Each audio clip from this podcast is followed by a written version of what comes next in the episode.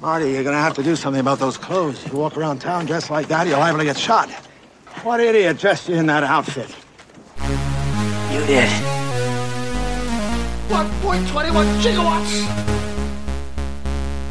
Hello?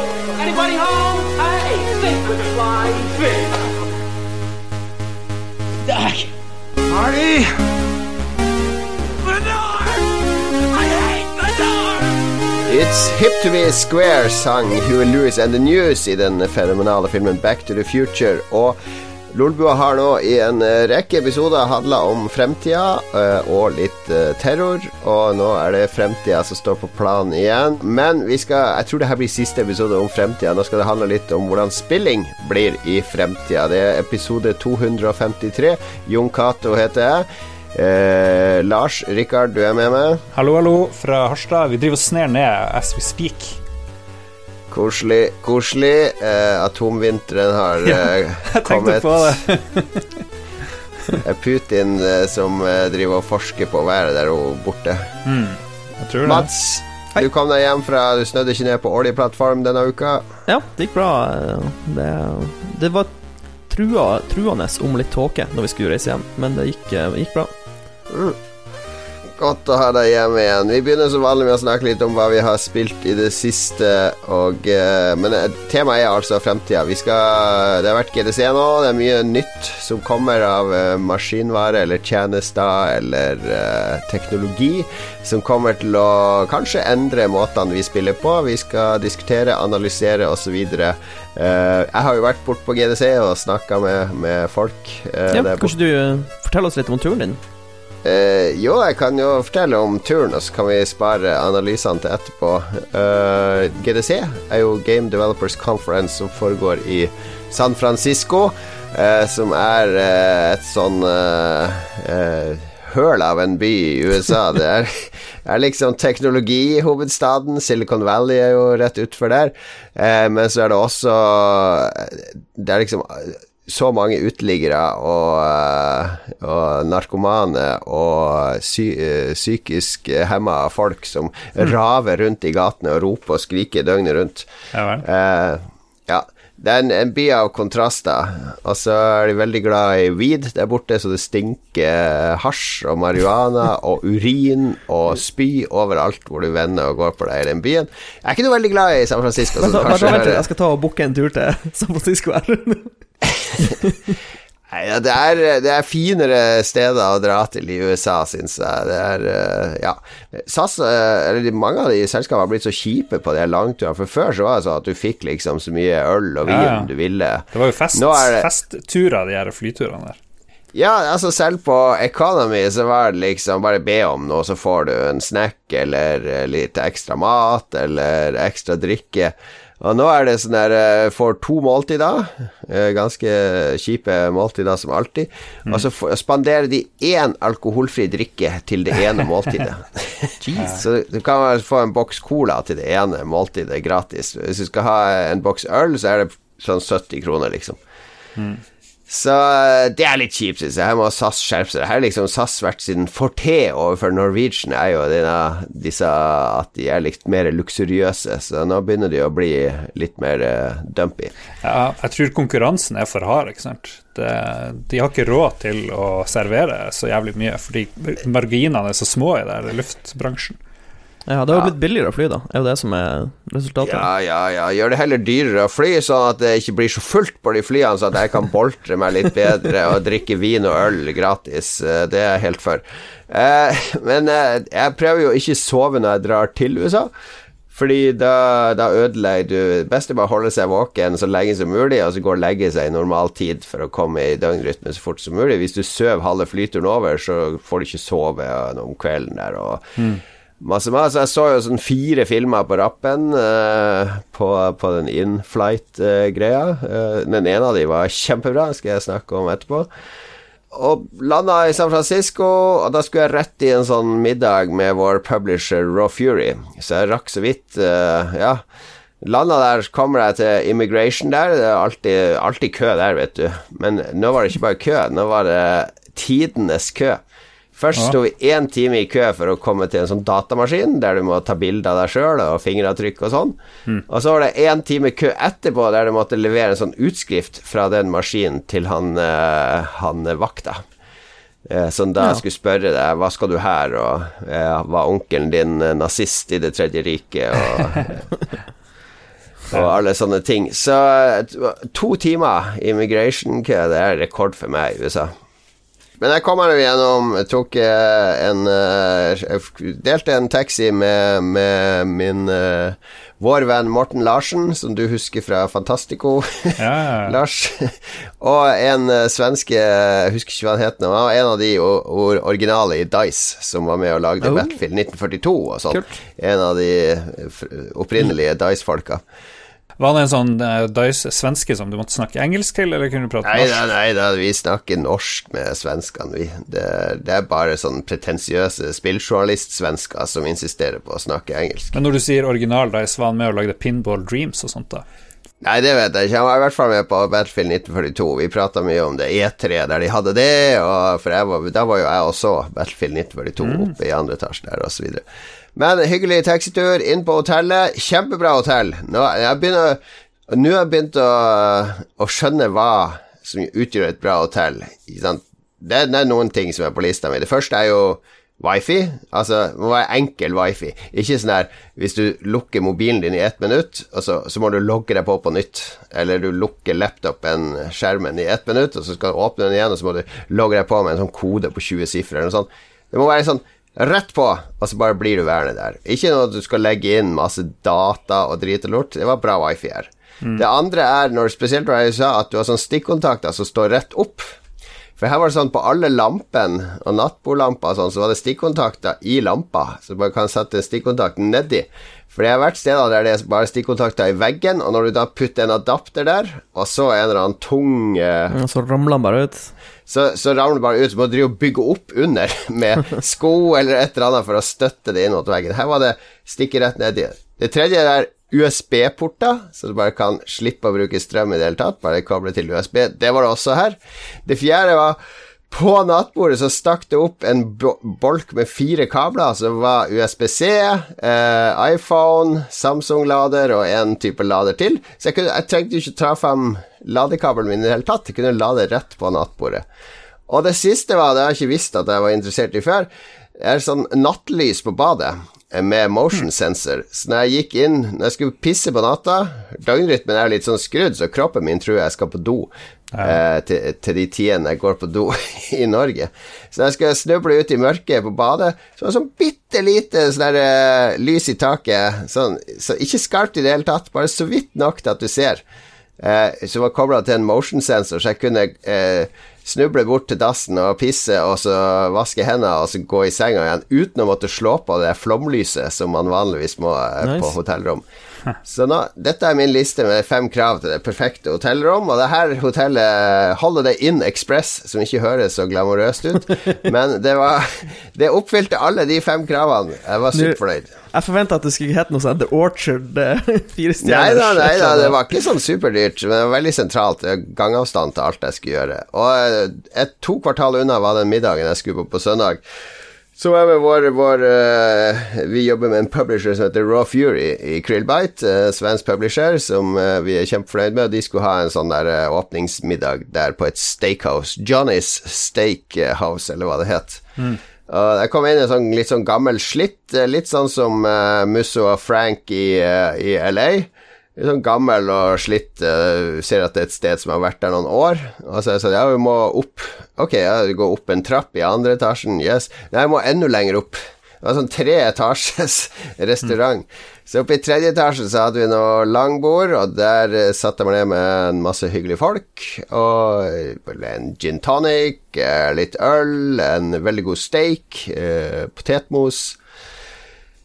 Men da var klokka blitt sånn ti på kvelden, eller seks på morgenen oppi hodet mitt. Så da, da skulle de andre videre til en sånn karaokebar, men da kasta jeg en håndkle. Det var Hadde jeg dratt dit, hadde jeg kollapsa på karaokegulvet, tror jeg. Taktisk eh, valg. Ja, jeg kom meg i seng, sov faktisk syv timer, og så var det rett opp mandagen til masse business. Møter, møter, møter. Jeg har ikke vært på messa ennå, fordi alt jeg gjør, er i området rundt messa. Det er på ulike hoteller. Uh, jeg spiste en uh, kjip hotellfrokost. Det var ganske kjipt på det hotellet, men det, det er ikke så farlig. Veldig få hotell som har bra frokost. Ja, spesielt i USA. De der, eh, det er ofte sånn ombygd gjesterom der du kan varme deg en bagel, liksom, og smøre på litt uh, råtten uh, syltetøy.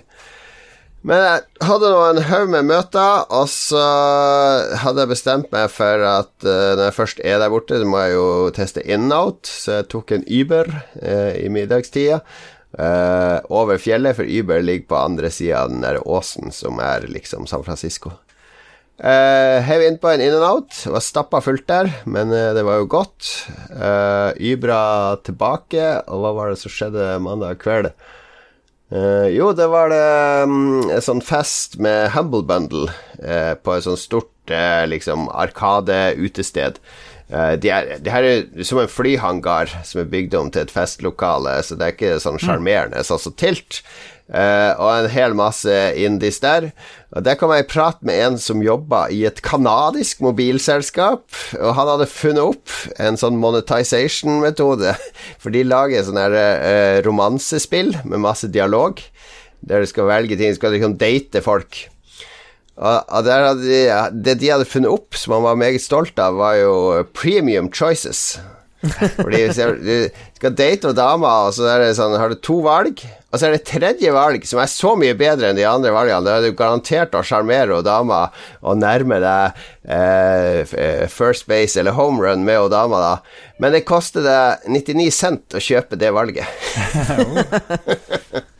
Magisk. Så det var han meget stolt av. Det er bare wow, ok, ja, det er jo genialt. Vi hadde mange som hadde kopiert fra de og sånn, men de var først med, med monetized dialogue choice.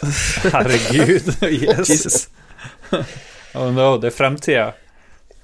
Ja, det er en del sånne folk der, og så er- men selvfølgelig masse indies. Så jeg endte opp med vår gamle venn Jan Christian Heigel, som var vår mest trofaste lytter gjennom de første 100 episodene.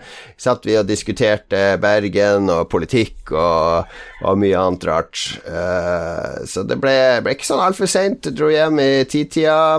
Uh, var jo bare to, to ølbonger var det du fikk på det stedet, men eh, det, ja, jeg klarte Jeg møtte møtt en finne, en veldig sint finne i baren. Da sto jeg klar med sånn penger og skulle betale, og sa Here, you can have this one. Og så jeg bare Oh, that's okay, you only have two. So, yes, but I'm only gonna have one drink. Og så jeg bare Ok, ok, I can take it. Og så kommer det der bartender og sier him first. Og han bare One glass of water, please. Og så ga han henne den lappen. Så, Du, vet at finlendere er kåra til de verdens mest lykkeligste folk nå. De er over dansker og nordmenn og alle andre. Så Ja, de ser, de ser ikke mye lykkelig ut når du møter dem på byen, det kan jeg love deg. Ok, men eh, klokka ble ti, jeg kasta en håndkle. Eh, det er ikke så gøy å være på de der eh, party-partyene, fordi det er bare en masse spillutviklertryner. Jeg liker jo mye bedre å sitte på en sånn dive-bar, eh, der det er litt mindre folk, og bare snakke med randoms i, i, i bar, på, ved baren. Så jeg dro hjem, eh, la meg. Hadde den andre natta alltid den verste i USA. Så jeg var sånn våkne klokka fire. Vi sjekker mail, forbereder litt møter, jobber på en prestasjon osv. Ja, så dro jeg ned eh, Hadde en del møter på tirsdag. Produksjonsmøte, Mosaikk, eh, sammen med Raw Fury, og en del andre møter med Microsoft og et par selskaper. mm, hvor mange er dere fra selskap som har dratt over? Eh, Det er bare meg som er der for å drive business, og så er det et par som gjør det som en kompetansetur. Så de går på messer på masse sånne talks og workshops og, og sånne ting, og, mens jeg drar bare på møter. Eh, så tirsdagen eh, kom og gikk, og da hadde jeg arrangert en sånn uh, krillbite-middag på ettermiddagstid uh, på noe som heter Umami Burger. Eh, det er liksom sånn gourmetburger i San Francisco. Ganske god. De har noe som heter Impossible Burger, som de påstår oh, at eh, vegan. Ja, de, du merker ikke at det ikke er kjøtt, men jeg har ikke spist den. Det er sikkert så mye allergener i den. Den er lagd av bare nøtter. Ja, jeg vet ikke hva den er laga av, men Nei, da, det, den, den det er sånn blant... linse og sånn uh, juks og Ja. ting. Så var det sånn businessfest, fordi vi jobber med en agent som heter DDM. Eh, de hjelper oss med kontrakter og setter oss i møte med publishere og pengefolk osv. Lager sånn ramme, ramme for oss. De er en kjempefin som partner å ha for business development. Og de har en sånn party som er litt mer Porsche. Altså det, det er ikke mange som har farga håret, eller eh, de vanlige som du ser på GDC. Det er mye farga hår og freaks og, og programmerere. Folk ser ut som de kommer fra sånn cyberpunk-reklame. Mens her er det dress og slips det går i, og ballkjoler og sånn, så da måtte jeg jo dress up. Og dro dit. Møtte Lars sin gode venn Ragnar Tørnquist. Eh, han- Ja, min gamle venn. det har vært en, en krangel med Lars og Ragnar i gamle dager. Ja, ja. Ragnar og han som lager Drømmefall og sånn. Jeg kjørte eh, dress uh, uten slips, da, men bare sånn der eh, dressjakke, den der casual. Stilen. Uh, Der ble det tjokefullt etter hvert. Snakka med en som jobba i Ubisoft Japan. Ja, Ubisoft har en Japan-avdeling med 60 mennesker. Uh, så Interessant å vite hva de gjorde. De, Ubisoft er veldig flink til å fordele ting ut på alle sine avdelinger, så alle jobber liksom på alle spill på ulike sett og vis. Ja, ja, det ser du jo når du starter eh, Division 2. Det er jo sånn fem-seks selskaper som er nevnt i starten der. Ja, ja, og du ser det i rulleteksten, og uh, altså, det er mange, mange som gjør ulike ting i de spillene. Så de, alle Ubi- Ubisoft uh, Japan har lagd sånn én emote i Division 2. sånn se på klokka-emoten. No, noe sånt. Jeg prata med et par andre om det, var så sjukt mye folk der, så jeg dro heller eh, Det ble så stappa etter hvert at eh, jeg beila ut. eh, Halv elleve tok jeg én øl på den irske baren som var rett under hotellet mitt, og så gikk jeg opp i eh, seng. Uh, og da var det onsdag, og onsdag hadde jeg egentlig veldig lite møter. Et par tidlig på dagen, og så var jeg liksom ferdig til lunsj. Så da var det sånn Yes, nå er hele dagen på meg. Det ble litt shopping. Dro på brettspillbutikk. Kjøpte noen gave til ungene. Eh, altså, spiste jeg frokost på The Mission Café, der jeg spiste verdens beste eggs benedict. Det er uh, Så egg og bacon er én ting, men sånn eggs benedict, det er frokosten sin. Når du skjærer litt i det egget, og det renner eggeblommer utover poteten og alt. Ah, det, var, det er godt. Det er sånn fluffy, fluffy egg med magi, så den ser litt sånn weird ut. eh, Og, Ja, Ja. ja. de står liksom litt sånn opp oppå brødet. Ja, veldig godt. Eh, spiste der, og så Jeg spiste ikke noe etter frokost, for da hadde jeg avtalt med vår eh, ve- venninne Kaja i, i Filminstituttet, de som jobber med eh, støtteordninger for, for spill. Og uh, Kåre, som også reiser over fra NFI, og spiser middag med de på ettermiddagen. For de er liksom Vi liker å kalle det at vi trenger litt voksentid på GDC. For det er så mye uh, kids og ungdom, det er jo ikke det, da, men yngre mennesker som er så opptatt av å dra på alle disse festene, så vi hadde planlagt å ha en sånn ordentlig middag Sjefene til Magnus, det er jo der han jobber nå, er det ikke det? ja, Magnus jobber der. Og så er jo de, i hvert fall han Kåre, er litt sånn der eh, gourmet, eh, sånn foodie, ikke sant. Og jeg syns det er veldig greit å gå ut og spise med sånne, fordi da da lar bare de velge på menyen og sånn. Vi kjørte en sånn delemeny på, på eh, et sted som heter Rich, uh, Rich Food, eller noe sånt. Eh, ganske ikke sånn super-posh sted, men dyrt nok. Men eh, vi spiste risotto og pasta og bare delte en masse forskjellige retter. Kjempegodt. Masse ting jeg aldri hadde kommet på å bestille sjøl. Det rareste vi spiste der, var kanskje eh, sardinpotetgull. Det var et digert potetgullflak der det var festa en grilla sardin på potetgullflaket. Come on! Det var lim på Ja, det er, det, det er noe av det villeste jeg har smakt, men merke Altså, det var ordentlig sardinsmak òg av den sardinen, men den blandinga av salt og litt søtt og den der syrlige greia fra sardin, eh, det var faktisk godt. Er Overraskende nok. De har limt Hæ? en sardin på et potetgullflak, liksom. Ja, det var jo noe hjemmelaga potetgullflak med denne sardinen oppi. Jeg tror de har frityrstekt de sammen, eller noe sånt. Eh, det var i hvert fall jævla godt. Det kan jeg love deg. Da har vi et tips til sørlandschips. Bare lim en sardin på alle potetgullflakene deres. Sardinchips er eh, ikke til å kimse av. Etter dette så var vi klar for å ta et par eh, drinker, og da hadde jeg hørt rykter om eh, en, eh, en hemmelig bar oppi eh, eh, Hva heter det Rumpebar. Oppi det japanske strøket av, av eh, San Francisco. Jeg hadde fått litt instrukser for hvordan man skulle finne det, for det var visst ganske vanskelig å finne, fikk jeg beskjed om fra han San Francisco-duden som, som anbefalte det. For han i Raw Fury, han bor i San Francisco, så han uh, Jeg skal bare se hva det heter. Dette er god podkast. Vi klipper dette til, alle sammen. Ja, Den heter Mogura. Han som bor i Han sa at det var hans favorittbar i San Francisco. Den var nesten umulig å finne, eh, og den var eh, den rareste baren du noen gang har vært i. Så etter å ha hørt det, måtte jeg jo selvfølgelig Selvfølgelig må jeg finne den. Eh, så Kaja, Kåre var kjempeklar. Vi dro opp til det der japanske kjøpesenteret, for det skulle ligge inne på et kjøpesenter. Og det hadde jeg fått beskjed om. Og så for vi rundt og romsterte, og oppe i andre etasjen, bak en låst glassdør, så sto det sånn lite skilt på veggen der det sto Mogura, og så Open. Mm. På veggen bak glassdøra. Men den var låst, da, så vi drev og ringte på. Det var ingen som kom og åpna, så vi bare Ok, hva skal vi gjøre nå? Klokka var bare syv på kvelden, så kanskje de ikke åpna. Og akkurat når vi skulle gå, så kommer det en dame og åpner den døra, da, og slipper oss inn.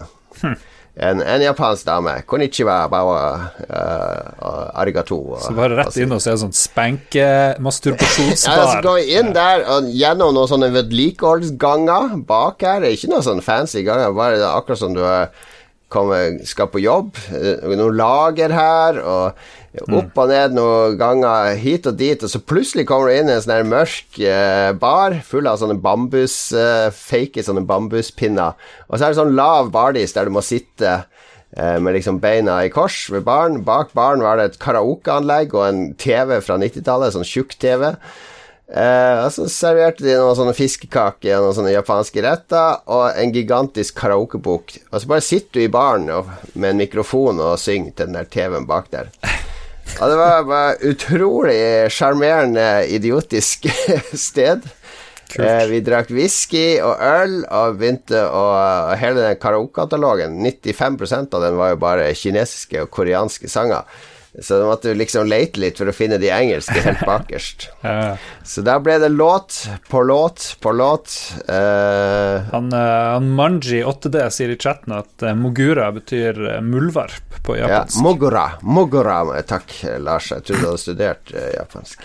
Ja, eh, Ja, hun sa det, hun eh, dama òg, at det betydde muldvarp. Men uh, det var et varp. Det er akkurat sånn type bar man, eh, man liker å gå i. Det dukka opp noen andre folk etter hvert, dessverre. Jeg tror, tror ikke det var så deilig å spise der når jeg og Kåre sang uh, 'Dancing in the Dark' med Bruce Springsteen for full hals. Men vi holdt ut uh, Vi ble fulle og gode. Det var en, var en episk karaokekveld, det vil jeg si.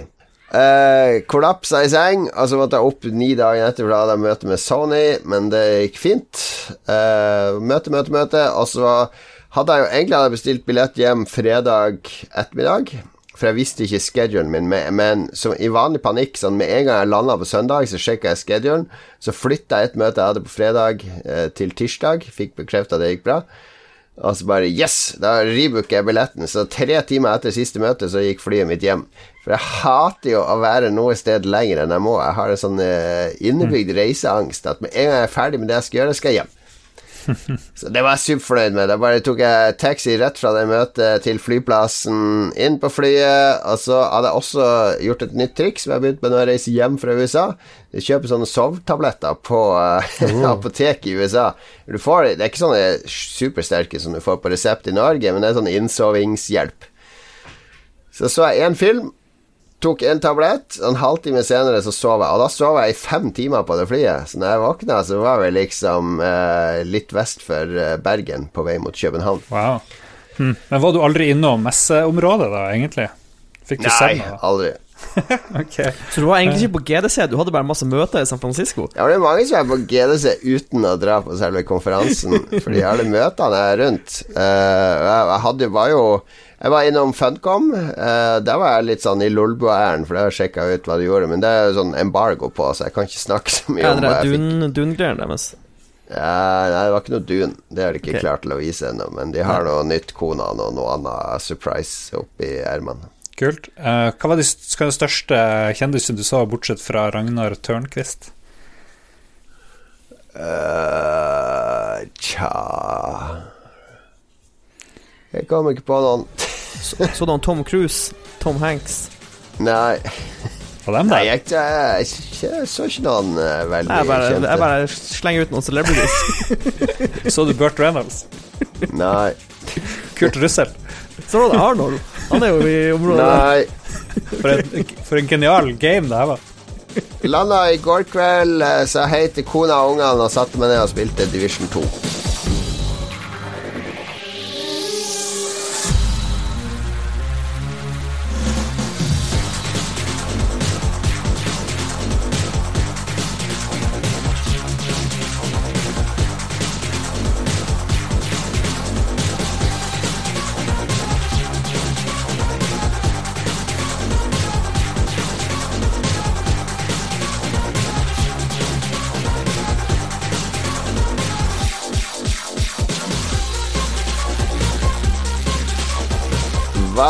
Har spilt i det siste?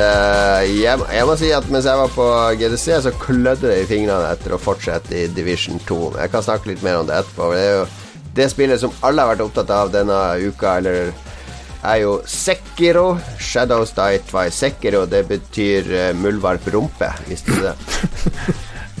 Mogora, muldvarp. Sekiro, muldvarp ass. Takk. Dere hørte det her først.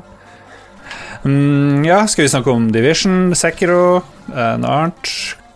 Da Sekiro først, det er det folk vil høre om. Jeg har bare spilt en halv time, eh, så jeg, eh, har, jeg, er ikke helt, vet ikke helt hva jeg mener ennå, men dere har jo spilt mer. Jeg, har spilt spilte eh, ti timer Sekiro. What? Så jeg liksom timer? kom, jeg kom, kommet i gang, kan vi vel si. Ja vel, hvor langt har du kommet? Hvor mange bosser har du tatt? Jeg har tatt to, to som hovedbosser, og som en del minibosser. Det her, For de som ikke vet, eh, det er ikke alle som er innvidd i spillenes magiske verden og alt som skjer. Det her er de som lager Dark Souls-spillene og Bloodborne og Demon Souls, som har laga et nytt spill som er litt sånn basert på de gamle Tenshu-spillene. Altså at du er mer sånn ninja, assassin, litt høyere tempo osv. Du, du, du spiller en shinobi som uh, feiler sitt oppdrag og, og passer Shinobi på Shinobi betyr muldvarppenis. Ja, men hva er Shinobi? Det, det lurte jeg litt på i shinobi er bare et fancy ord for en ninja. Ah, ja, Du er en samurai Du, du er en samurai-ninja. Du er en sånn Du er en supersamurai. Det som Yogato sier, det er um, Det er From Software som har lagd eh, ny IP. Eh, og det ligner jo utrolig mye på, på en slags miks mellom Dark Souls og Bloodborne, vil jeg si. Og jeg syns dette er det vanskeligste From Software-spillet jeg har What? spilt til nå. Ja, Sier uten det? tvil. jeg syns det virker enklere. Men eh, Ja. Altså, noen av de her altså, Jeg vet ikke hvor mange bosser du har tatt, Lars, men bossene er bitter. De er skikkelig eh, bitter. Sammenlignet med enkelte Dark Souls-bosser som man tar på første forsøk. I hvert fall for min, min, min, min del. Eh, men jeg har kost meg hele tida. Det er liksom Det er sånn magisk atmosfære, for det er litt sånn Det er jo i føydal-Japan, altså en, sånn, slags eh, alternativ versjon av føydal-Japan. Eh, så de har liksom kasta den From Software-magien på. Så det er jo Det er jo mørkt og dunkelt og mye sånne rare skapninger som dukker opp. Men skal vi begynne helt fra begynnelsen av? Du er jo han Sekiro, en shinobi som egentlig fungerer som livvakt for en ung mester. Og du har havna i unåde, og du vet ikke helt hvorfor. Det har skjedd et eller annet grusomt. Men du har fremdeles dine eh, spesielle evner som han der unge mesteren gir deg. Du har noe sånn drageblod eller noe som gjør at du kan eh, dø to ganger, som eh, tittelen sier. Og eh, nå blir du tilkalt for å hjelpe din unge mester igjen. Det går skikkelig drit, og du havner i en kamp, og så, og så går det for galt, og så starter historien. Og så sier du det er dunkelt, men jeg vet ikke om det er så dunkelt som eh, Bloodborne og Nei, Dark Souls og sånn. Nei, det, er, det er ikke Men til sånn Altså, de har en sånn okkult twist på føydal-Japan, var det jeg prøvde å, å si. Ja. Men er det Spilte du Nio noen gang, Mats? Uh, ja, jeg har spilt Nio, ja. Ja, for jeg syns det minner mer om Nio. Eh, altså, jeg kjenner igjen Dark Souls i menysystemene og eh, Messenger og alt det der. Alt det er identisk med Dark Souls, men jeg syns gameplayet minner mer om Nio enn en Ja. Souls, kanskje. Hvis du ser bort ifra settingen, hvis du bare ser uh, klinisk på combat, så, er, det, så er det litt ulikt Dark Souls. For uh, du, du er mye raskere. Du kan sprette litt rundt omkring eh, i mye større grad her. Eh, Mm. eh, hopping har plutselig blitt en veldig stor del av combat. Hopping har jo vært ikke-eksisterende i combat i Dark Souls og Bloodborne. Da har de vært dodge rolls. Du har en Men- hoppeknapp her, og det har du vel ikke hatt i de her du har en andre? dedikert hoppeknapp, og den, eh, den brukes aktivt. Men Det er bare kult at det er litt At det er annerledes enn Dark Souls akkurat der. Men det jeg savna litt, er den der eh, mystikken som er i Dark Souls-spillene. At du ikke Ja. Vet eh, hvorfor verden er sånn som den er, og hva din rolle er i den. Eh, Det er litt mer sånn straight forward storytelling her, med masse cutscenes i starten, og den der ungen og litt sånne ting. Ja, uten å røpe for mye, så, eh, så er det Det er ikke helt linært. For når du starter spillet, så vet du ikke hvorfor du havna i den situasjonen du er i. Men etter hvert som du spiller, så blir det jo mer åpenbart hva som har skjedd da. Og det syns jeg var litt kul. Ja, det er sant. I, uh, I Bloodborne så var det jo veldig Cthulhu-inspirert. Uh, jeg vet ikke hvor mye det er i Dark Souls, men her så er det, virker det, er det liksom ingenting. Selv om det kanskje lurer noe i bakgrunnen, da, noe sånn mystisk. Men jeg vet ikke hvilken mytos det er, det er jeg litt usikker på. Eh, Det virker som de fleste av de overnaturlige vesenene jeg møtte på hittil, er sånn eh, Japan-inspirert. Ja, har sånn møtt så Oni- Oni-opplegg. Eh, så har vi ikke nevnt grappling-hooken, har vi det? I tillegg til hoppinga, Ja, så har får, du den eh, ja, vi kan jo nevne Du får eh, Det skjer noe med venstrehånda di. en, en traumatisk hendelse med Alt venstrehånda. det her har jo jeg spilt, så det er jo helt i starten. Ja, du Altså. får en sånn Du får en protese, basically. En, eh, en sånn shinobi-protese. Som du kan fylle med verktøy. Blant annet en grappling hook, det er standardutstyret. da Men du, du finner masse verktøy eh, underveis, da så du kan stappe inn i denne her eh, protesen. Så Og gamere kan- aksepterer protese, fordi jeg husker gamere ble veldig harnisk over proteser i Battlefield 5, men protese i Sekiro er tydeligvis greit. Det er tydeligvis helt ok. Her, eh, den, den har de eh, Jeg vet ikke, jeg har lyst til å si Jeg har lyst til å si det er litt sånn Zelda-aktig, den protesen. For mange av de verktøyene Mm. du får, er sånn her Dette skal åpenbart brukes på en boss som du møter, men så kan du fortsatt drive og bruke den etterpå, da, for det er jo en, et nyttig verktøy. Og så kan du bare ha tre aktive verktøy til hver tid, og så du må bytte ut. For du, du, de kaster de verktøyene etter deg. Jeg bare spilt, eh, som sagt ni-ti timer, og jeg har allerede sånn seks-syv proteser, så det virker som de er ganske Mm. gavmilde med de. Proteseprinsen. uh, Men det jeg ikke likte ved den grappling-hooken Nei, det er litt negativt, men jeg har, bare, jeg, har spilt tre kvarter eller noe sånt. Det er at det er sånn highlight der du kan bruke den. Som er veldig unsouls-aktig, for souls er alltid sånn at Kan jeg klare å hoppe over dit? Å, jeg klarer akkurat å hoppe over dit og få tak i den itemen som ligger der. Eller du vet ikke helt hvor du kan gå og ikke kan gå. Det å highlighte dette hjørnet, dette hjørnet, dette hjørnet, der kan du greple. I stedet for å la deg greple på alt som er tre eller noe annet. Det er litt eh, Det føles Det er ikke som de har De har tegna opp banen og de måtene Ja. du kan navigere Ja, de har lagd sånne Det er sånne grapple points som er strødd rundt på kartet.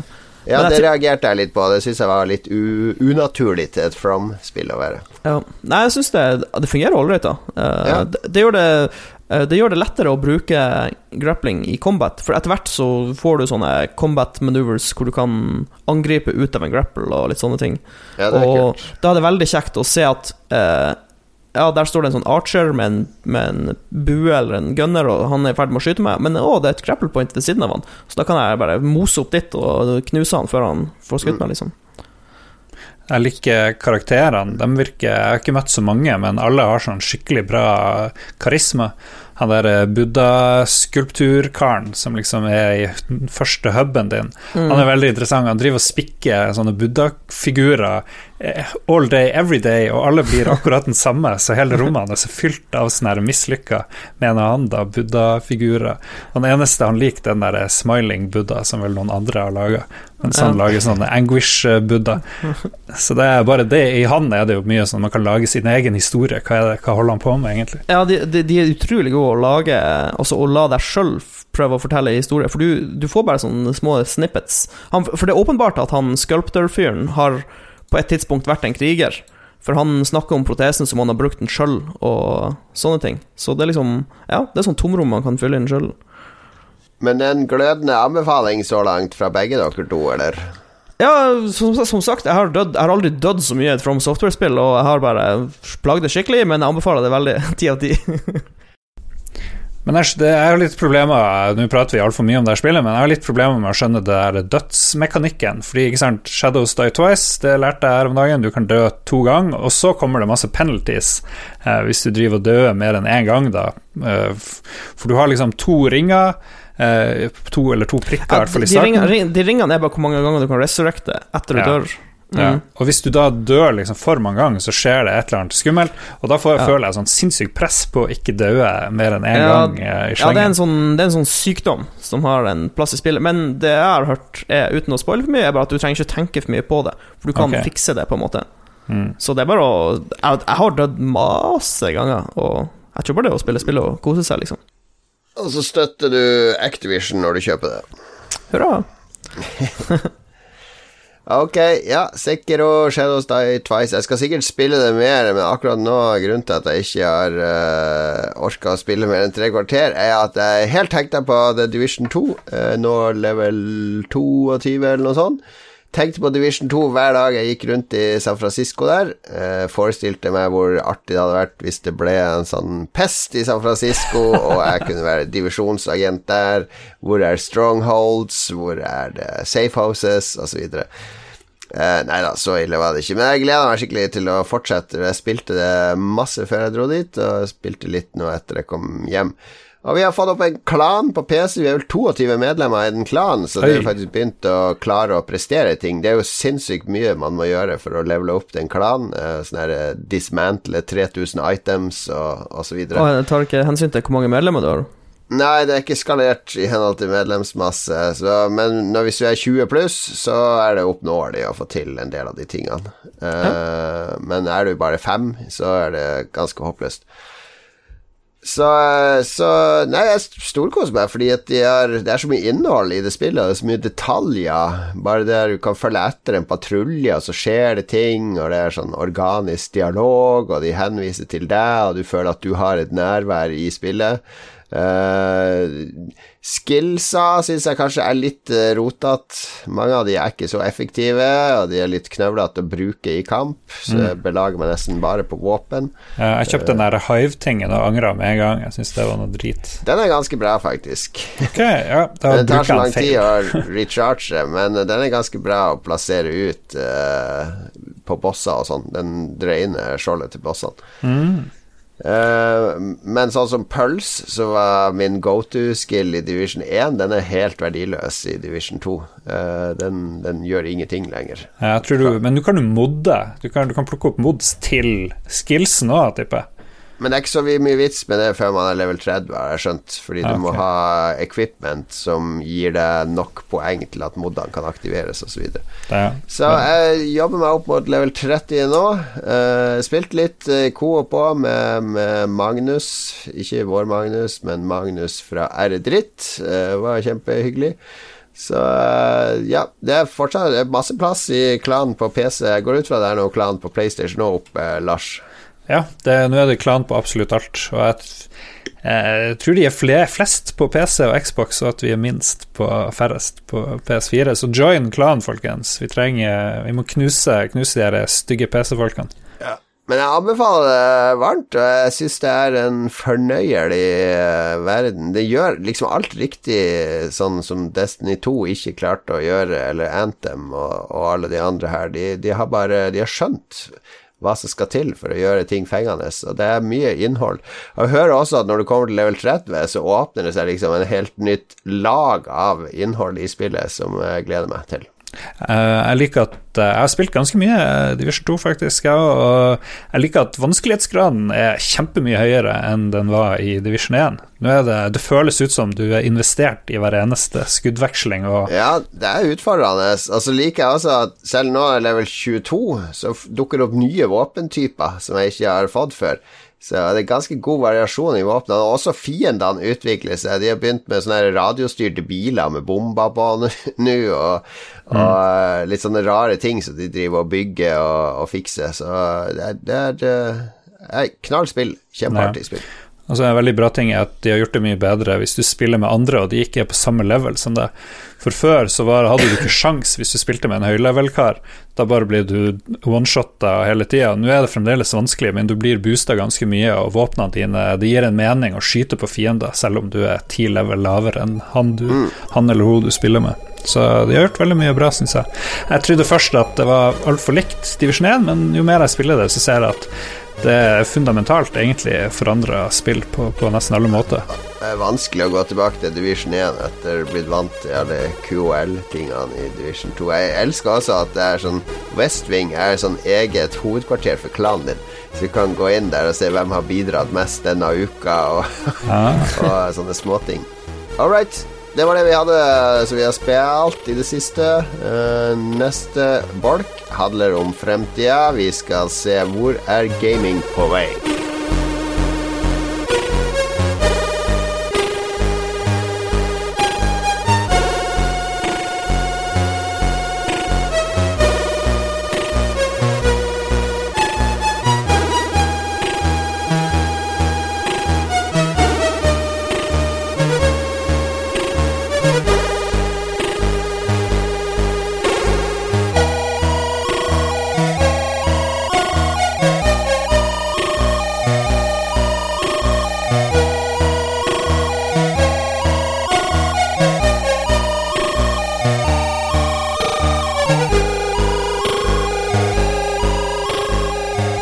Det om fremtiden, og nå skal vi ha en sånn dum reporter som eh, ikke vet noe som helst, og skal spørre masse dumme spørsmål. Det er du, Lars. Det er en rolle du er født i. Er ikke født i den, men Skal eh, reportere være litt dumme? Man må jo gjerne tørre å spørre de dumme spørsmålene. Det merker jeg da vi snakka om han der terrorfyren fra New Zealand forrige uke. Da måtte jeg stille noen sånn litt sånn teit spørsmål. ikke sant? Hva har spill og massemord med hverandre å gjøre? liksom? Men det er jo for å provosere frem noen gode svar, og for å liksom gjøre klar, klart ting. For det er ikke, alle mener jo ikke og vet ikke det samme som vi, så da må man være litt dum. Sånn er det. Ja. Jeg syns du er flink, Lars. Ja, ja, ja. Ok, kjør på, Lars. Hva er det du lurer på? Nå kan vi si det sånn Jeg har jo vært på GDC, jeg har hatt møter med Google og, og andre der oppe om den nye teknologien. Jeg har også skrevet i huet og ræva på sånne NDA om hva jeg kan si og ikke si noe om, så jeg må kjøre litt slalåm der. Uh, mens Mats, eh, du er jo mer den rene forbrukeren. Er eh. PC-spilleren. Ja, som sitter og, og, og bekymrer deg for hva fremtida vil bringe. Så da kan vi jo og jeg utvikler, liksom, så vi kan jo balansere de to synspunktene, eller de to innfallsvinklene opp mot hverandre. Ja, veldig bra. Vi skal jo snakke om Google Stadia og litt hva som skjer med fremtida til spill. Og vi skal også innom der, den nye kampen mellom Epic GameStore og Steam sin spillbutikk. Men vi bør jo begynne med den store nyheten, som er Google Stadia. Det er en sånn ny streametjeneste for spill, akkurat som PlayStation Now, hvor du kan streame spill uten å ha en konsoll, og du kan spille de på, på alt mulig som har en Chrome-nettleser, egentlig. Ja, du, det er også en utviklings eh, et utviklingsrammeverk hvor du kan lage spillene dine opp i de stadia skyen eh, på de maskinene der. Så de maskinene er jo mye kraftigere enn PlayStation og Xbox og kan prestere mye bedre. Så, så det, det blir jo en ny SKU, som vi sier, vi utvikler, vi må forholde oss til. Det er nye specs og, og andre ting som spillet må passe til. Men både Unity og Unreal støtter vel Stadia, så så mye styr blir det vel ikke. Ok, Så det blir en ny maskin. Det blir, i, selv om det ikke er en ny konsoll, så blir det for spillutviklerne så blir det en ny konsoll, egentlig. For spillutviklere er det et helvete, for nå har vi Switch, og vi har tre forskjellige Xboxer, to forskjellige PlayStationer, og PC med alle sine konfigurasjoner, og Mac hvis du skal ut der òg, og mobil, så det har aldri vært så mange potensielle eh, variasjoner av spillet ditt som du må lage og tilpasse. Ok, Men er spillutviklere negative eller positive da, fikk, da du snakka med dem om det her? Nei, de fleste eh, trekk, trekker godt på skuldrene. Altså, det er jo mye Det greia med Google er jo For det første, Google er jo ikke noe spillselskap. Vil, kan de noe om spill? Vet de noe om spill? Det er ingenting på presentasjonen som tyder på at de er veldig interessert i spill, egentlig. De er mer interessert i en tjeneste som andre kan lage spill til som de skal sitte og skumme fløten av, akkurat som Steam og Epic og alle andre som tilbyr tjenester som lar forbrukere finne og kjøpe og spille spill. Ja. Mats? Nei, det, det var bare at de har, ikke, de har ikke visst så mye sånn specs og sånne ting, liksom. Eller sånn hva man kan forvente seg. Og, Ja, eller De sier at du kan forvente 60 frames, 1080P i starten, og så skal det bli 4K ganske Ja, kjapt. 120 frames. Så Ja, de har noen sånne teraflops og sånn som de har vist, som er, som er liksom kraftigere enn Xbox One X og PS4 Pro til sammen, ifølge tallene deres, men det, det er jo bare tall. Altså, alt skal jo streames, det er jo det som er den store faktoren til slutt. Eh, Den, Ja. hånd, den kontrolleren er jo kobla rett på wifi, uh, wifi-en din, så signalet til den skal jo teorien Altså I og med at det ikke går gjennom en konsoll, som så skal sende det videre ut på nettet ditt, altså tilbake igjen, så skal det kunne teorien være litt lavere latency. Og Digital Foundry hadde vel noen test av latency som fant ut at det matcha omtrent Xbox One X i latency. Så, ja. Men, men jeg tenker, hvor, hvor realistiske settings er det testa i? Er det testa med Google Fiber tre meter unna liksom, der Ja, det er er? nettopp det, ikke sant? Det er jo en pipe dream at du skal kunne kjøre Apex Legends med minimal ping på det oppsettet der, da. Men for spill som Assassin's Creed, som i utgangspunktet er ganske sluggish Det er ikke noe sånn instant movement i Assassin's Creed, og kampene er seige og sånn. Eh, så, så tror jeg det fungerer helt greit. Turn-based og sånn. Ja. Er det jo. Eh, Mats, du har jo pulsen på hardcore PC-gamere og sånne ting. Hva er, hva er responsen der på, eh, på Stadia? Jeg, jeg har aldri brydd, meg så mye om de her Altså, det er jo mange som har prøvd seg med sånn streamingtjenester for spill, og ingen som har slått, slått helt an. Så nå kommer jo Nå kommer storguttene i Google og skal prøve seg. Så Mm. Avventende å se. Men hvis det blir Hvis det, blir, hvis det slår an, da, så kommer det jo til å bli et nytt sånt casual-segment. For da trenger du egentlig bare en skjerm, på en måte, hjemme i stua di for å spille. Du trenger ikke Ja. så mye annet. Og det er jo det som er litt eh, Det er jo det som er Jeg synes det, Hvis jeg kan rekruttere masse nye gamere, så er jo det bare kult. For jo Ja. Det kan jo ha vært en terskel før å kjøpe en PlayStation, eller, eller bygge, bygge en PC, i hvert fall en sånn gigantisk terskel for å komme seg i gang. Eller kjøpe en ferdig PC, da. Det går jo an, selvfølgelig. Men Ja. eh, ja, jeg vet ikke. Hvis det kan bli billig, billig og bra, så er jeg all for it. Jeg syns bare det er litt skummelt at det er Google som gjør det. For de sitter på så mye info. Altså, de er jo Ja, informasjonsgiganten, liksom. Er det bra at vi gir dem alt, liksom? Jeg vet ikke. Ja, fordi nå har de alle søkeresultatene våre. De, det, liksom, det finnes nesten bare én søkemotor i dag, og det er Google, som fungerer godt nok. Og så har de mailen vår, de har kalenderen vår. Eh, mail er de ikke så store, de er 20% eller noe sånt, tror jeg. Eh, Outlook er vel sikkert enda større. Og så har de YouTube, som jo er absurd. Eh, vi streamer jo via Google nå med Google Hangouts.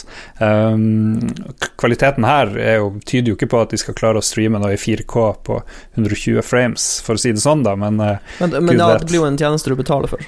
Det blir Ja. ikke en gratistjeneste. Nei da. Men, men er det sunt? eh, er det Jon Cato som gammel pressemann, liksom? Er det Bør man ikke bryte opp Google snart, kanskje? Jo, det er godt mulig. Det skumle er jo at det, er bare Google som har en infrastruktur til å lansere noe sånn her, som, så der du kan liksom klikke deg fra en YouTube-video inn i spillet på fem sekunder.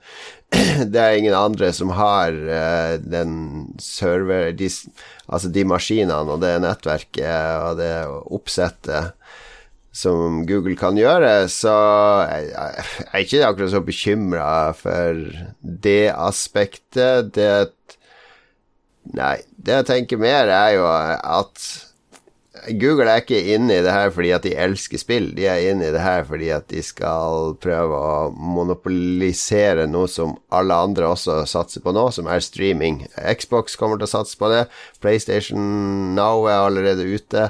De satser på det til en viss grad. Og det å få streaming til hvilken som helst skjerm, uansett hvor du er, er uh, Nå dør jeg her. I sånn Google-giftkapsel som gikk av. Jeg sa noe jeg ikke skulle si. Assassination complete. Nei, men det å ha det på Altså, du kan sette deg ned på TV-en din og spille Cyberpunk 2077, og så kan du fortsette på mobilen din i senga, og så kan du fortsette på en laptopen din eh, på kontoret i pausen. Eh, Bare plukke det opp, fortsette å spille. Det er jo klart at det har en appell for veldig mange, Uh, og, men det som Mats burde være redd for, er jo det som han raser over mot Epic Game Store, at det er fullt mulig at, uh, at Cyberpunk 2077 kommer eksklusivt på Stadia. Altså at du ikke kan kjøpe spillet. Du kan kun kjøpe abonnement på Stadia for å spille det.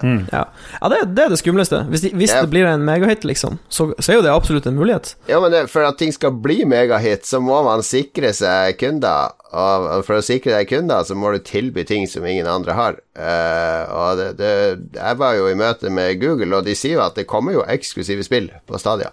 Altså spill, førstepartsspill som de finansierer. Og som utvikler, så Stadia og Epic Games Store og alt som skjer, det er bare Det er veldig gull på en måte, fordi alle er ute etter eksklusivt innhold til sine tjenester. Xbox vil ha eksklusive ting, PlayStation vil ha osv.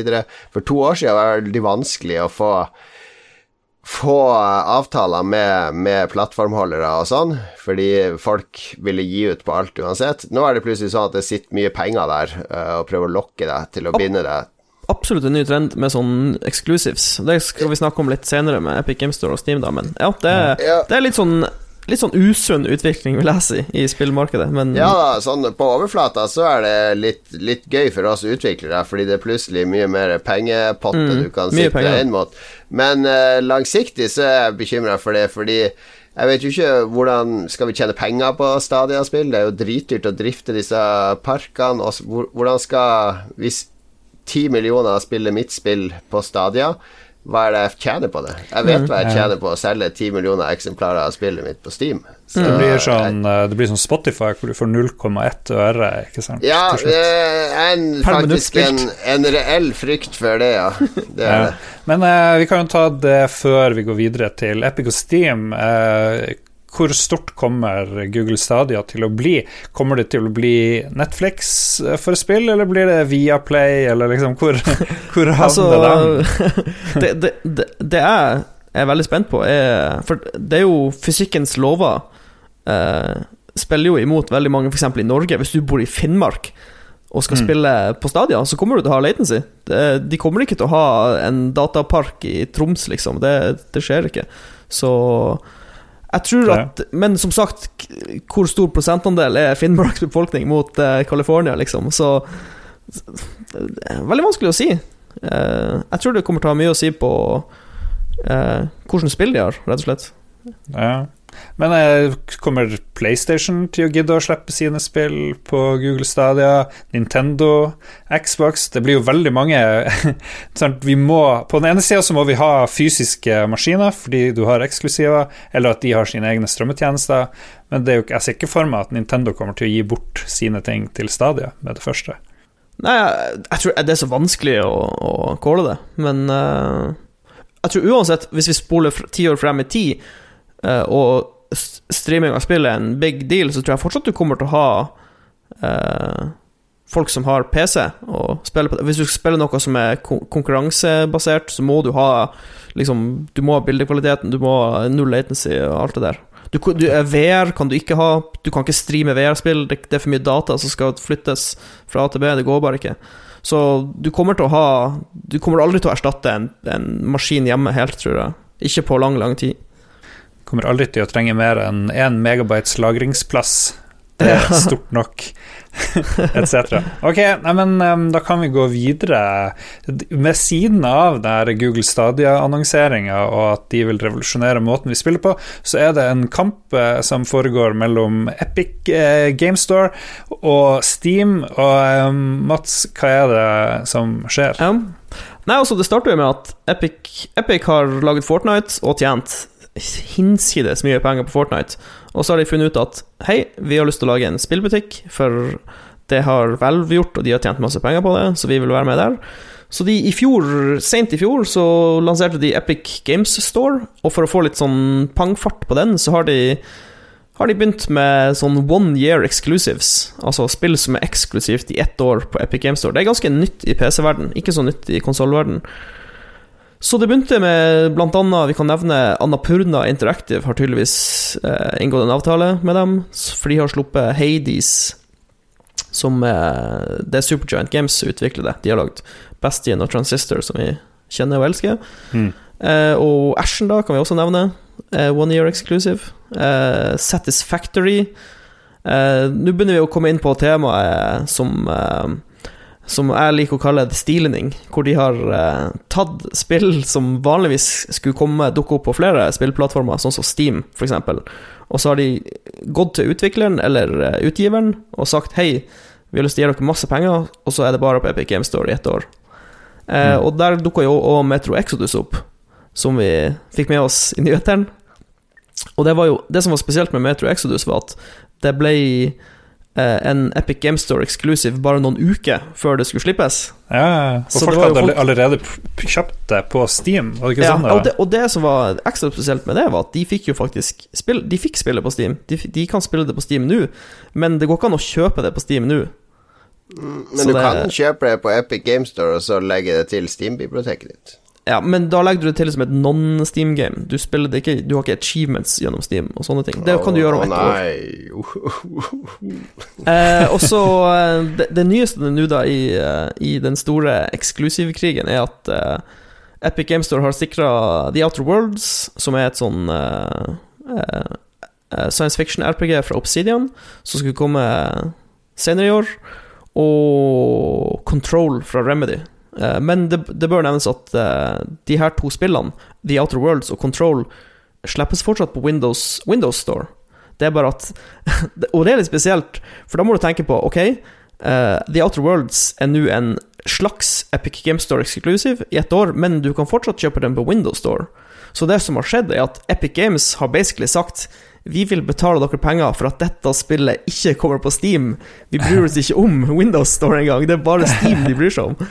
Så det er jo det er åpenbart en krig på gang. Ja.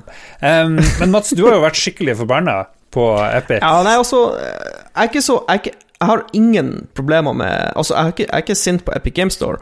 Jeg er bare ikke en stor fan av den utviklinga vi ser nå. For oss som forbrukere, det er mye lettere for oss hvis vi har eh, Hvis vi, hvis vi sjøl kan velge hvilken plattform du har lyst til å kjøpe et spill på. For da kan du eh, Hvis du har flest venner på Steam, så er det jo logisk å kjøpe et spill på Steam, for da er det mye lettere å se om, om noen spiller, spiller på Steam, om du har lyst til å spille sammen med dem. Jo, jo, jo, men Mats, da kan jo ingen noen gang konkurrere vekk den som har monopol, som jo er Steam. Ja. Nei, nettopp. Og det forstår jeg. Men er det sånn at hvis en film ikke er på Netflix, den er en serie, den er kun på HBO, så raser du over at den er, den, jeg, skal bare, jeg skal se alt mitt på Netflix, for det er der jeg har vennene mine og favorittlisten mine og sånn. Nei da. eh, altså, in, in Steve har gjort en veldig god jobb å bygge opp en lojalitet hos eh, fan, fansen sin.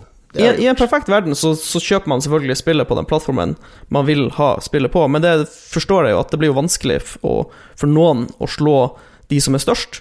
Og det er jo derfor de, Epic eh, nå går hardt ut med exclusives, for de har lyst til å bygge seg en stor kundebase. Men litt av problemet mitt er at de har, de har egentlig ikke utvikla butikken sin. De har lagd en skikkelig, skikkelig bare bones butikk, og så har de gått rundt til masse utgivere og, utviklere og, og kjøpt seg exclusives.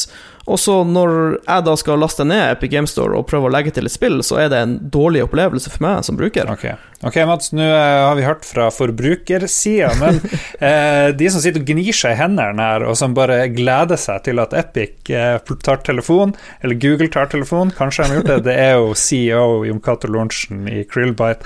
Og eh, du syns vel det her er helt topp, eh, gjør du ikke det, sånn for ditt spill? Ja, altså, jeg syns eh, eh, sånn som utvikler, så er Steam er helt fint å gi ut spill på. Men Steam tar en veldig høy cut av alle spill.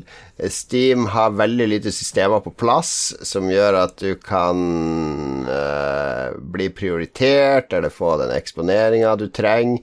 Det går på om du kjenner folk i Valve og kan hente inn vennetjenester og sånne ting. eh, som er litt kult òg. Det var veldig kult i starten når det var en veldig personlig butikk, og det var veldig få utviklere som var med der. Det er veldig kaotisk nå. Du du får Det er ingen Det som skjer når du lager noe på Steam, er at du, du står sammen med tusen andre utviklere og skriker om å bli hørt av noen få folk i Valve som sitter og bestemmer disse algoritmene med hva skal på forsida, hva skal vises, hva skal få eksponering, osv. Blitt litt bedre, fått litt verktøy for det, men det er uh, sånn som vi hadde Vi skulle ha et spill på salg uh, der. Vi skulle relansere Among the Sleep i Enhanced Edition. Hadde jeg snakka med vår kontakt i Valve et par måneder før. At ja, kjempebra, han skulle sørge for at det skulle ligge på topp på horror en hel helg osv. Eh, få sånn her splash-annonsering, vet du, når du åpner Steam. Alt det der. Og så uka før vi lanserer, bare ringer og sjekker er det og det, det på plass. Ja, da er han på jury duty. Eh, tilbake om to måneder.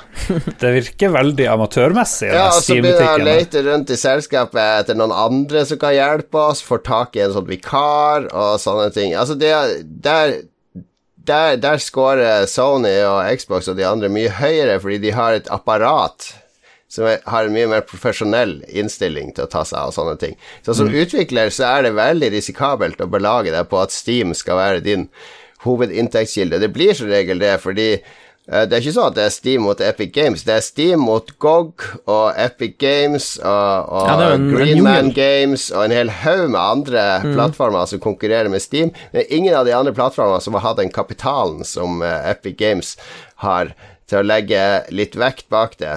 Og, og Epic Games, når de Altså sånn markedsføringsmessig, så gjør de det jo helt riktig ved å sikre seg de eksklusivene, fordi at de får en enorm omtale på det. Og så får de enormt engasjement på det. Får mye hat, men Metro Exodus solgte jo tre ganger bedre enn Metro gjorde på, har gjort på Steam noen gang. Eller, det skal sies at de har ikke sluppet noen tall for akkurat det. De fikk litt kritikk for det. De sa bare det solgte x, ang- x Ja, eh, ganger bedre. men- Men de har ikke sagt noe om tidsperioder eller tall eller håndfaste ting. Nei, det har det ikke, men det har solgt. Men det som jeg vet, hvis man snakker med Epic Games Jeg har ikke snakka med dem sjøl, men det jeg har hørt fra andre, at du får eksempel De kan tilby eh, et minimumssalg, altså hvis du går eksklusiv hos oss. Så hvis du ikke selv Vi garanterer deg inntekter fra f.eks. 3 millioner solgte spill. Hvis du er uheldig og bare selger halvannen millioner, så, så får du Så spanderer vi resten. Altså, du har en sikkerhetsgaranti, så selvfølgelig, som utvikler, der alt du lager, uansett hvor bra det er, er superrisikabelt. Det er masse bra spill der ute som ikke selger. Å få en sånn salgsgaranti, eh, det er gull verdt. Eh, så du har en masse ting som gjør bare, altså De kaster jo penger etter deg som utvikler, eller hvis du har attraktive spill, men de har rett og slett et bedre tilbud til deg eh, som eh, utgi, utvikler, utgiver, som min, eh, reduserer risikoen din, og som gjør eksempel sånn som vi er på Vi, ikke, vi er ikke Epic Games Exclusive på noen måte, men vi er på sluttfasen av å lage spillet vårt nå. Og, og har, jeg har leid inn ekstra folk for å få alt ferdig, fordi vi må ha det ekstra laget med polering. Spill, den siste fasen av spillet er alltid dyrest. Hvis du da har eksempel en plattform som er tilby, tilbyr deg en, en salgsgaranti, så gjør det at du kan få laga spillet ditt enda bedre på slutten, fordi du plutselig får Budsjettet ditt ser bedre ut fordi du vet at du er garantert en inntekt, osv. Så, videre. så Så det er en del ting her som er positivt, både for spillere og spillutviklere i det store bildet. Liten kommentar til det. Jeg syns også det er kjempebra at eh, For nå er det liksom Det er megapressure på, på Steam nå. Så de, For det første, så Som du sier, Steam hadde en ganske trasig cut for uh, utviklerne. Og det har de jo Den har de jo sunk, redusert nå, basert Ja, det, på det er volum bare hvis du selger ti millioner Jo, jo, men det er nå i hvert fall uh, kursendring i sånn høvelig eh, rett retning. Eh, og så har de eh, De skal eh, utvikle en ny storefront. De skal, fordi Steam er jo ganske gammeldags på utseende, det kan sikkert Mm. alle være enig i. Og det, det holder de jo på å oppdatere nå. Eh, og en annen morsom ting er eh, med Epic Game Store, som en positiv ting med Epic Game Store, for det er ikke bare negativt, er at de har nå eh, gått inn- inn- inngått en avtale med Quantic Dream eh, om å slippe Heavy Rain, eh, Beyond Two Souls og Detroit Become Human på PC. Nei, Det er jo en negativ nyhet. Nei, men eh, altså jeg bryr, meg ikke, så- jeg, bryr, jeg bryr meg ikke så mye om spillene, men det er litt kult at de tar en Sony-eksklusiv og bare slenger det over Ja. på PC. Det er jo en ny utvikling. Ja, det er morsomt. Ja, Um, så ja. Er det noen som har noen avsluttende ord? Hvis ikke så tenker jeg jeg tar en sånn Jerry Springer og kommer med en sånn moral, eh, moralsk oppsummering av det her. Nei, vi kan vel bare si at uh, alle burde ha ti liter vann i boden og mat for tre dager. Ja. Jeg kan bare si at, at det å være superlojal mot Steam og nekte å kjøpe ting på andre plattformer, det er som å være superlojal mot Netflix og nekte å se filmer Ja. på andre plattformer. Det er akkurat like rasjonelt når du egentlig tenker etter det. Ja. Men for all del, la oss håpe Epic Game Store får mer funksjoner og tjenester ganske fortløpende, så at selve butikk- og handleopplevelsen blir enda bedre. Da tar jeg av meg eh, journalistcapen og tar på meg den synserhatten, og eh, avslutter med å si, eller jeg kan spille inn det, at både Epic og Steam de kommer nå til å, å miste sakte makt. Det kommer til å bli sånn oppsplitting av det der. der. Så kommer Google Stadia til å komme inn med sitt litt sånn middelmådige, men veldig tilgjengelige produkt som absolutt alle vil foretrekke, bortsett fra en sånn 1% av de som fremdeles er opptatt av ping. Det er absolutt ingen i verden som er opptatt av ping. Det er sånn 0,2% av folk som gjør det. Akkurat som at folk ser film på Netflix, de ser ikke film på Blu-ray lenger. Eh, Det er ingen som klager som veldig mye av at eh, HBO har skikkelig dårlig bitrate. De bare, Folk ser det og koser seg. Så om det er 1000 millisekund ping på, eh, på der eh, Google Stadia, så har det nesten ingenting å si. Folk kommer til å sluke det rått, for de kan sitte i nettleseren sin og spille de nyeste spillene. Veldig, veldig enkelt. Jeg liker at du beskrev mitt personlige helvete. Kort og presist.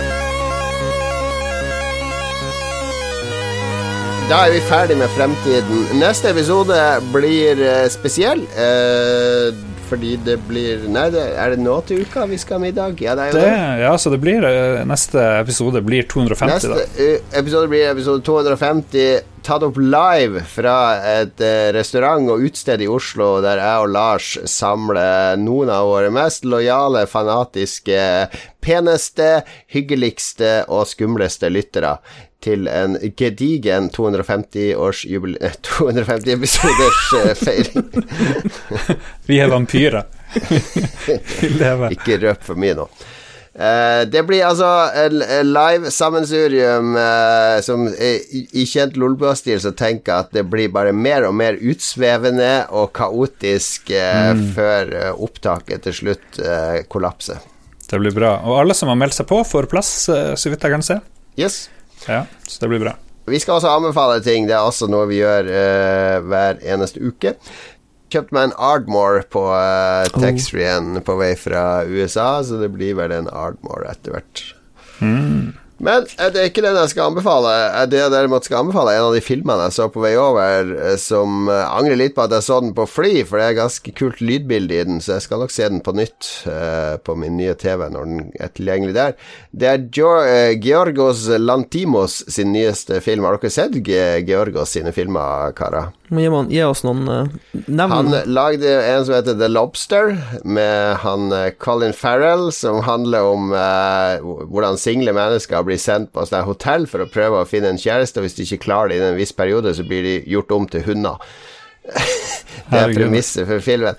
Veldig bisarr, rar, eh, utrolig eh, artig greie. Altså lagde han som heter The Killing of a Sacred Deer. Den har ikke jeg sett ennå, men den er visst tilsvarende weird. Eh, surrealistisk. Og så har han laga noe som heter The Favourite, som fikk flere Oscar-nominasjoner. Eh, om eh, dronning Anne på det er vel 1600-tallets England, det her.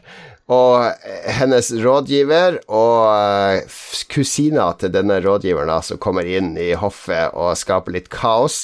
Eh, så, så som tittelen henspeiler på, det, det, det dreier seg altså om hvem av disse to som blir favoritten til hun dronning Anne. For hun dronning Anne, det er hun dama vi husker fra TV-serien Broadchurch, og ser veldig sånn engelsk ut. Eh, eh, hun er ganske sær og spesiell og skada, eh, så hun blir litt utnytta av rådgiverne sine. Og det er en dramakomedie. Altså, det, er, det er, ser ut som et kostymedrama, men den er det er noe sånn kubriksk over åssen han filmer, åssen eh, scenene er satt opp. Veldig sånne brede, store scener der, der skuespillerne er ganske små i, i scenene. Ikke så mye sånn ekstreme close-ups og sånn.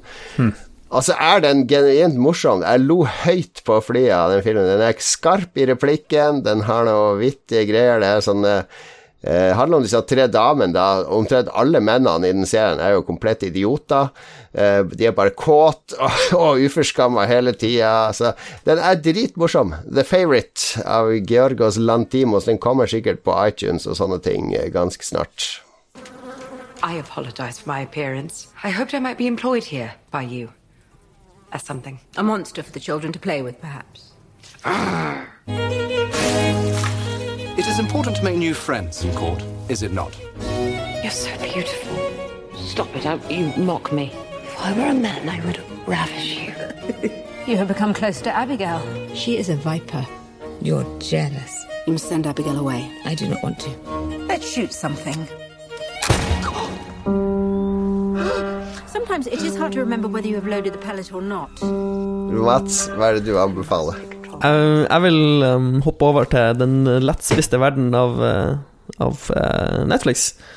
Jeg har uh, binga litt på en, um, en dokuserie der. Faen hvor mye dokumentarer jeg ser, innser jeg nå.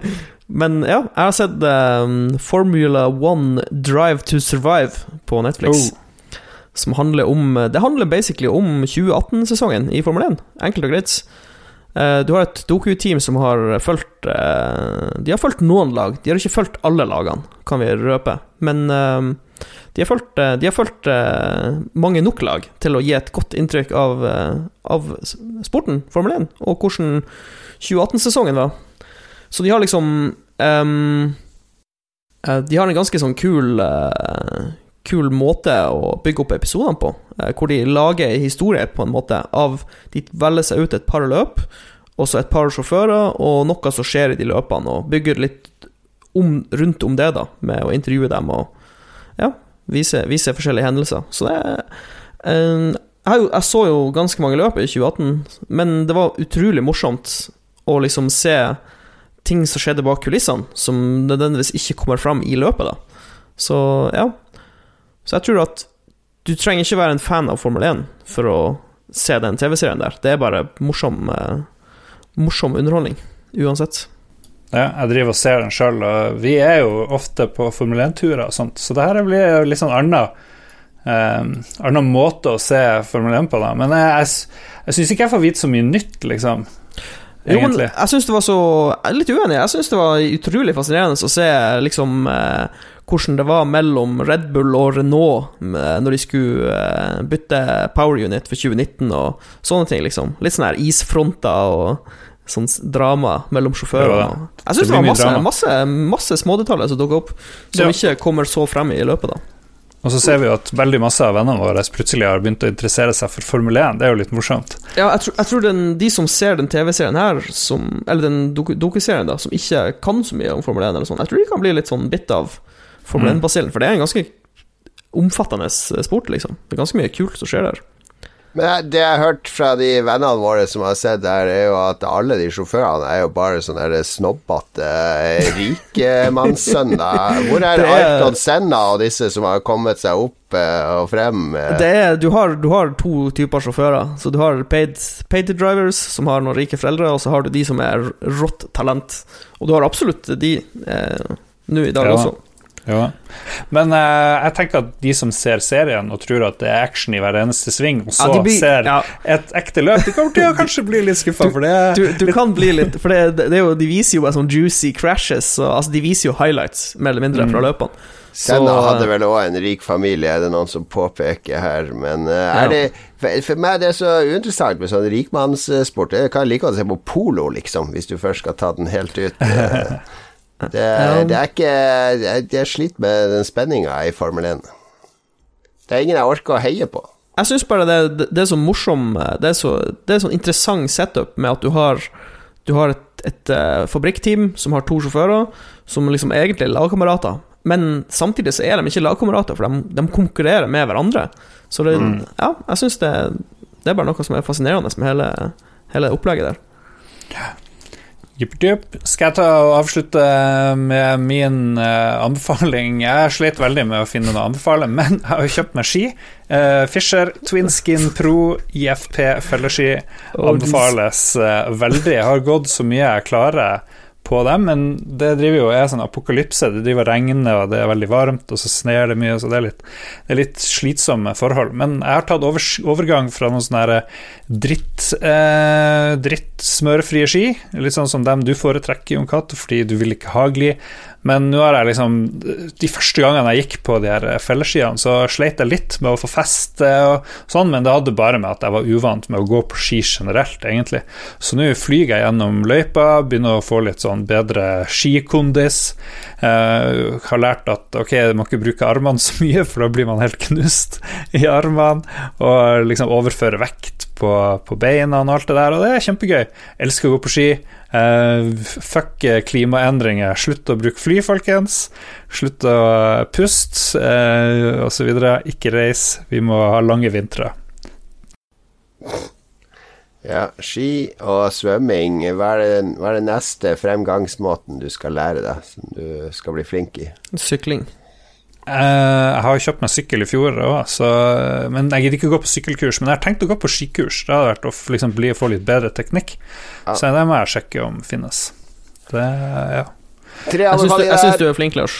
Nye Thank felleski Nye felleski fra Fischer hvis du er interessert i å gå fremover eh, på snø fort. Eh, Twin for- Skin Pro heter den. Ja, Foreskin Pro, eh, som Lars har kjøpt seg. Eh, Formula 1, Drive to Survive eh, på Netflix. Så en deilig blanding av norsk og engelsk der. Formula jeg 1. det. Den eh, dokumentar om verdens største motorsportsirkus. Og til slutt The Favourite av Georgos Lantimos. Eh, fantastisk film om eh, dronning Anne og intriger i hoffet. Og intriger i hoffet blir det også i Lolbua hver uke når lytterne skal slippe til. De er liksom vårt hoff. Vi er de tre kongene, de tre vise menn, som sitter og så slipper vi inn eh, Kan jeg få lov til å være en armen prins? eh, til å, for å komme med sine spørsmål, eh, råd, spørre de etter hva skal jeg kjøpe, hva skal jeg spille, eh, hva er best av ditt og datt. Og vi øser vår uendelige visdom utover lytterne. Er ikke dette riktig formulert? For, eller er det positivt nok nå, Lars? For du får så mye kritikk, er så negativ til lytterspalten. Ja. Jo, jeg syns eh, som dronning så syns jeg det høres bra ut. Hva syns du, prins Albert? Jeg syns det var en bra oppsummering. Helt perfekt. Ja. Um, vi har fått litt sånn random tilbakemeldinger, hovedsak eh, om fremtida til spilling, stadier osv. Men først, Rolf Helge hadde et viktig spørsmål. Uh, vi snakka jo om internett, og at du fylte 30 år. Internett sånn som vi kjenner det 30 år forrige gang. Han sier Internett består mest av porno, men hvor mange prosent tror Lolbua-medlemmene eh, er porno av internett? Jeg vil si 50 Jeg vet ikke. Hmm. Nei, kanskje ikke det. Nå er det så mye streaming av sånne video og Netflix og sånt, så jeg tror Jeg, tenker, jeg, tenker, jeg tenker En ting man må huske på, er Tenk på YouTube, liksom. Tenk hvert sekund hvor mange meningsløse videoer folk laster opp på YouTube. Så jeg, jeg, mistenker at, jeg mistenker at sånn 60% av eh, data på internett er bare sånn ting ingen har lyst til å se eller vil se eller høre. Det, Og så er det ganske mye porno. Spørs om du har med sånn food porn og car porn og sånne ting. ja. jeg, jeg tror ikke mer enn 5% er porno, helt eh, ærlig. Jeg Ja. føler jeg har sett alt flere ganger, så Skal vi se, bare kjapp eh, googling. 20% av mobildevice searches are for porn, sier Psychology Today. Ja, men det er jo ikke hvor mye av internett som er det. Ja, ja. Nei, men jeg tror porno var større før, tror jeg. Nå er det liksom så mye annet eh, som Ja. sprer seg. Ja, ja. Eh, Morgan Slang eh, han sier at for 500 i måneden så ville han gått med på en sånn strømmetjeneste, Google Stadia, eh, hvis det ligner på Netflix. Eh, men så lurer han på om han egentlig ønsker det, for han sier det blir for mye å velge mellom. Og han blir å hoppe fra spill til spill uten å engasjere seg. Hmm, for sånn har det blitt med musikk, og til en viss grad med film. Og det er et poeng. Du, du sitter ikke og koser deg med de LP-platene dine og eh, stryker dem og fjerner støv og sånt. Noen gjør jo det, fordi at det, det går noe tapt i, i når, Tyranny of choice er jo det Når du kan velge mellom alt, så har du ikke en relasjon til noe som helst. Eh, alt er bare Alt det er for tilgjengelig, rett og slett. Så sånn LP, vinylsamling, er jo en måte å få tilbake den connection til musikken. Altså det å sette på den nye Mastodon-plata og sette stiften ned og lytte aktivt. eh, Det er et ritual rundt det. Eh, og for noen er det sånn med film òg. så eh, ja. Jeg skjønner problemstillinga hans. Det, jeg, jeg går jo aldri på Netflix uten at jeg vet hva jeg skal se på forhånd. For det verste What? jeg vet, er å lete etter noe å se på Netflix. Da, da blir jeg skuffa hver gang. Og så, blir jeg, altså, jeg er så redd for å velge feil at jeg velger jeg, Kanskje jeg heller burde valgt noe annet. Mm. Robert eh, Karstensen han sier han blir bare mer og mer forvirra. Skal han oppgradere PC-en? Skal han kjøpe neste generasjons konsoll? Eller skal han hive seg på den her nye strømmetjenesten? Hva skal jeg gjøre? spør han. Google Stadia skal komme i 2019, så det er ikke så lenge til. Ja, jeg syns helt seriøst at eh, PC PC-deler er for dyr nå. Det er liksom Det er, det er for dyrt. Det koster for mye penger. Jeg oppgraderte PC-en min nå, og jeg måtte Jeg har skippa å kjøpe nytt grafikkort for første gang på lenge. Jeg blir jo skippe denne generasjonen grafikkort, for det er for dyrt.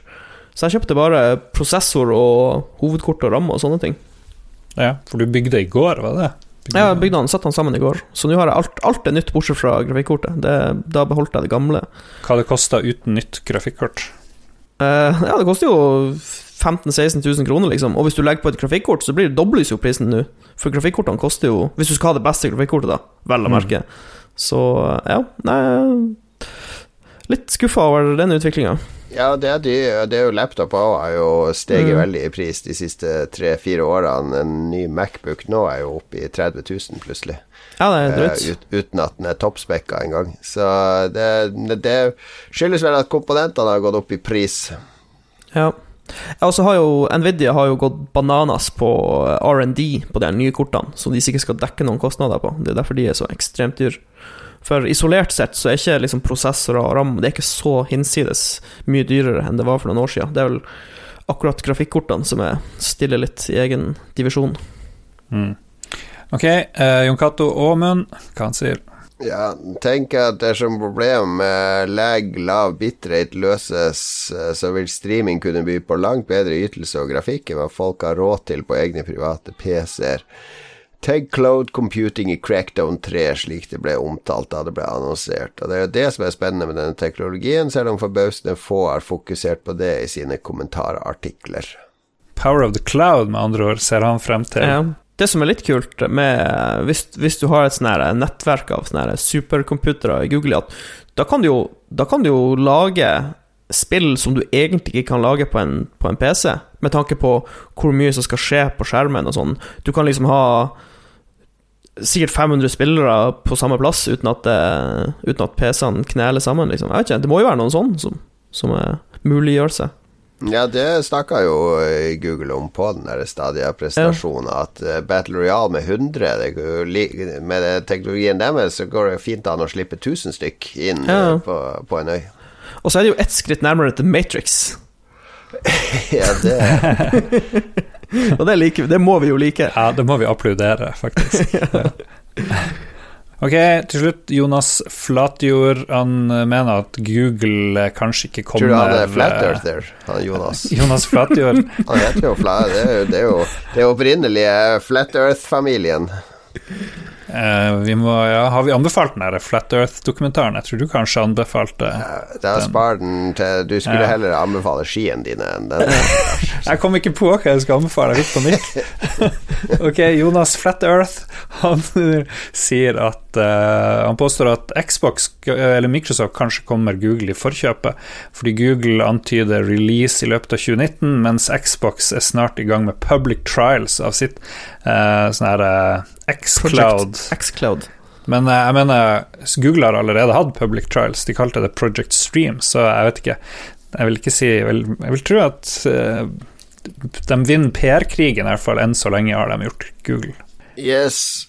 Fremtiden skal strømmes, ifølge tech-selskapene. Altså, vi er litt mer skeptiske her i Lolbua, men eh, at eh, det blir mye strømming fremover, det er det ikke noe eh, tvil om. Det kan vi si, bare for å avslutte på en sånn veldig intetsigende og flåsete måte. Det blir spennende å følge med på. Terningkast fire til Google Stadia. Terningkast fire. Vi er de første som deler ut terningkast til disse tjenestene. Terningkast tre til Xcloud. Terningkast eh, tre til PlayStation eh, Now. Now? Og eh, er det flere streametjenester jeg skal ta med det samme? Netflix. Terningkast fem. Oi, oi, oi. terning, altså, to til HBO Nordic. Nå må dere for faen få noen til å oppdatere det der eh, systemet deres. Det er er råtneste strømmetjeneste som noensinne er bygd. Og alt ser jo ræva ut da, i hvert fall Ja. på min nye TV. Jeg kan ikke se på HBO Nordic lenger. Det er så mye artifacts og Ja, og 720p, og det går ikke an å se. Det er helt forferdelig. Nå får dere skjerpe dere. Skjerp dere, HBO Nordic. Ok, da Dette var det. Uh, Støtt oss på Patrion, Patrion, Patrion. Yeah, og så ses vi til middag til uka for de av dere som skal der. Uh, Det blir nok litt video og annet sprell derifra òg. Gå på eh, Facebooken vår. Gi oss stjerne på iTunes. Jeg tror ikke noen gir oss stjerne på iTunes lenger. Skjerp dere. Stjerne på iTunes. Jeg, jeg kommer til å Nei, jeg, jeg skulle til å si at jeg tar livet av meg sjøl, men det skal jeg jo ikke gjøre. Det, var, det skal, kan ikke være så jævla dramatisk. Du kommer Ja. til å gå på ski naken hvis vi får uh, Hvis vi får fem reviews uh, på iTunes uh, før april, så skal Lars ta bilde av seg sjøl gå på ski i hagen sin naken. Oi, oi, oi. Ja, vi har for du skippa den badinga, Lars. Nå må du steppe opp. Nå Det blir verre og verre, Jeg hoppa i havet for It's time to pay the piper. Mats skal jo komme og ta et nakenbilde av deg på Jeg, skiene skal, jeg, skal, mine. jeg kan stå på verandaen og filme, sånn at Ja. du ikke ser skrittet ditt. Ja. Mats, Mats har tatt så mye nakne bilder av meg fra før. Ta en så sokk på penisen din. Må finne en sånn der eh, enorm sokk, da. De har ikke så store sokker i Harstad. Jeg tror vi avslutter på den humoristiske humoristiske Hvorfor avslutter vi aldri før vi surrer det ut? Ha det! Takk for oss. Ha det.